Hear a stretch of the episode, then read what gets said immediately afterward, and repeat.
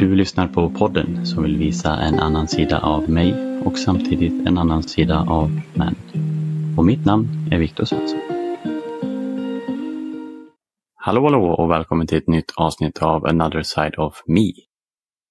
Idag ska vi prata om självförtroende och hur man kanske kan bygga upp mer i någonting man vill. Jag vet att det är många delar i mitt liv där jag inte riktigt kanske vågar göra någonting och det beror nog bara på att jag har dåligt självförtroende i det för att jag kanske aldrig har provat det. Och det är en ganska bra reflektion att ha. Jag har ju faktiskt aldrig provat. Därför kan jag inte ha bra självförtroende i det. Men vad är självförtroende för dig och vad är det för mig? Jag tror det är bra att reflektera över just självförtroende och specifikt hur man kan träna upp det, för det är verkligen någonting man kan träna på. I många år så antog jag att jag hade dåligt självförtroende i många delar av mitt liv. Och när jag plötsligt fick eller hade bra självförtroende inom situationstecken så inbillar jag mig att detta är ju bara fejk, detta är inte på riktigt. De kommer komma på mig när som helst. Ofta har man, om man tänker efter, självförtroende något man är bra på eller trygg med. Och precis som jag nämnt så kan jag inte förvänta mig att få det direkt i någonting, utan det är någonting som byggs på oftast. Och jag är nästan övertygad att du gör säkert någonting nu som kanske är helt omöjligt för någon annan utan att ens veta om det. Men för att bygga upp självförtroende då, det är ju att ta små steg, att nå små delmål och komma vidare mot dit man faktiskt vill. På så sätt så måste jag och du om du vill få dig någonting, utmana dig själv i det du vill få dig. Och det kommer vara jobbigt i början, det kommer vara utmanande i början. Men firar man de här små stegen och sätter små mål så får man det tydligare på papper att man faktiskt tar sig vidare mot dit man vill. För är det något du kanske känner tryggt i nu, det är säkert något du har gjort länge utan kanske att reflektera, men du har bra självförtroende i det nu så att man knappt tänker på det längre.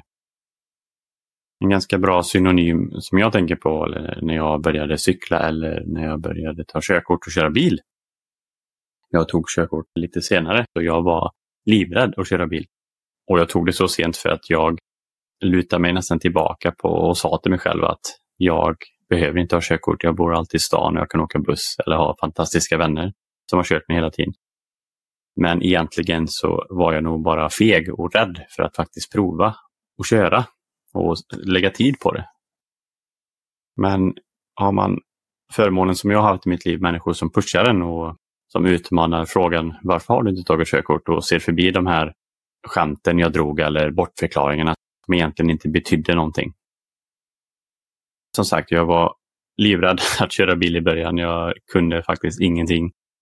Och jag minns när jag väl började övningsköra sen så satt jag med min handledare i bilen och så fort det kom en lastbil på en lite mindre väg så var jag nästan ute i diket varje gång. Jag bara styrde mer och mer åt höger tills hen fick ta ratten och styra in mig igen. Vad håller du på med nästan?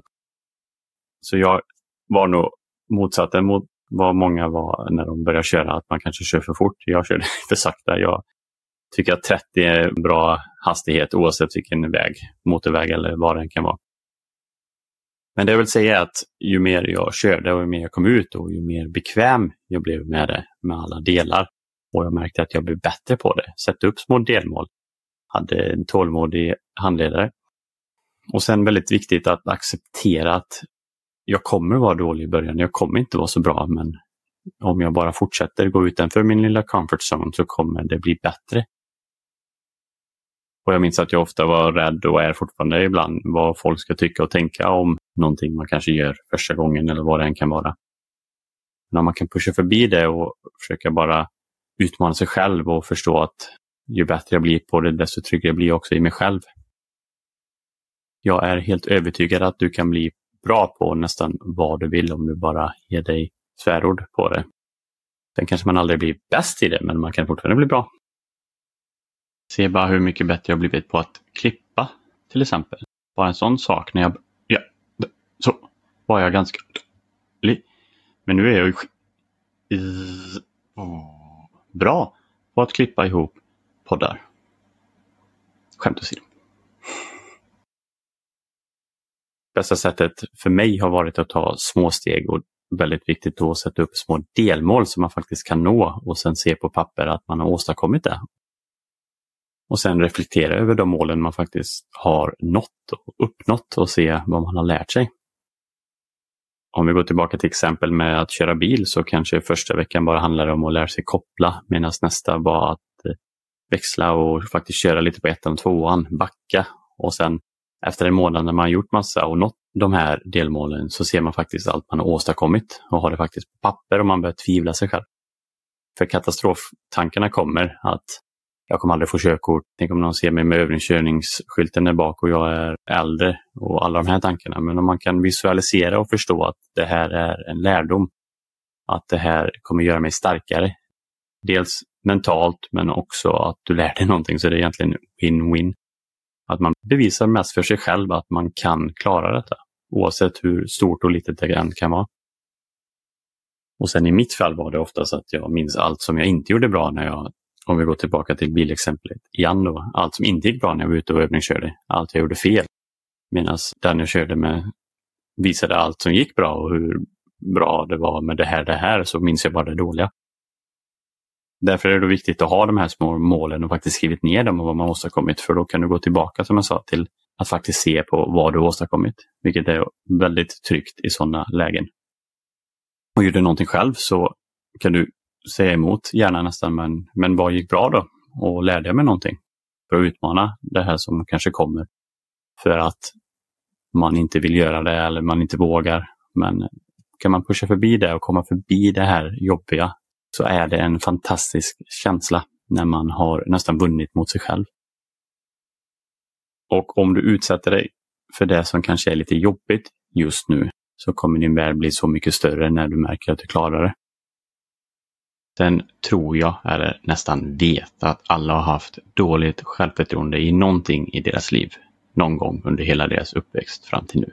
Det är jag nästan övertygad om. Och Det är också en bra vetskap att ha, att alla de du ser upp till har också haft någonting de kämpar med, men de har ändå pushat förbi och kommit dit de är ändå. Och sen om vi är helt ärliga med varandra så är ju inte allting helt rättvist alltid. Medan någon har supertalang, till exempel när jag spelade hockey, var det sådana som var jätteduktiga på att åka skridskor och allting sånt. Medan jag kanske fick kämpa mer för att nå dit. Men det kan också bli en svaghet, har jag märkt genom åren, att har man det väldigt lätt och är då bra i någonting från början, när det väl blir svårt eller när man kommer till den här platån, när man inte utvecklas lika snabbt längre, då kan det bli ett väldigt stort fall till att varför utvecklas jag inte lika fort eller tycker varför är jag inte lika bra längre? Varför går alla om mig? Medan då om man har börjat lite lägre, om man säger så, och jobbar sig uppåt, så även om man platåar så vet man att man kan pusha förbi det, för man har varit med om motgångar innan. Även om det är unfair att vissa är bättre direkt i vissa saker så kan det också bli en väldigt stor börda och man faller mycket lättare ner. Har jag märkt i alla fall. Nu var jag ju världsbäst direkt i allt jag i stort sett har gjort. Så jag kan inte riktigt relatera till det jag sa nyss, men jag googlade fort och en bra sak att säga. Nervös skratt, ha ha ha ha. Nej, jag har haft det eh, kämpigt i många delar av mitt liv, men samtidigt har det gjort mig starkare.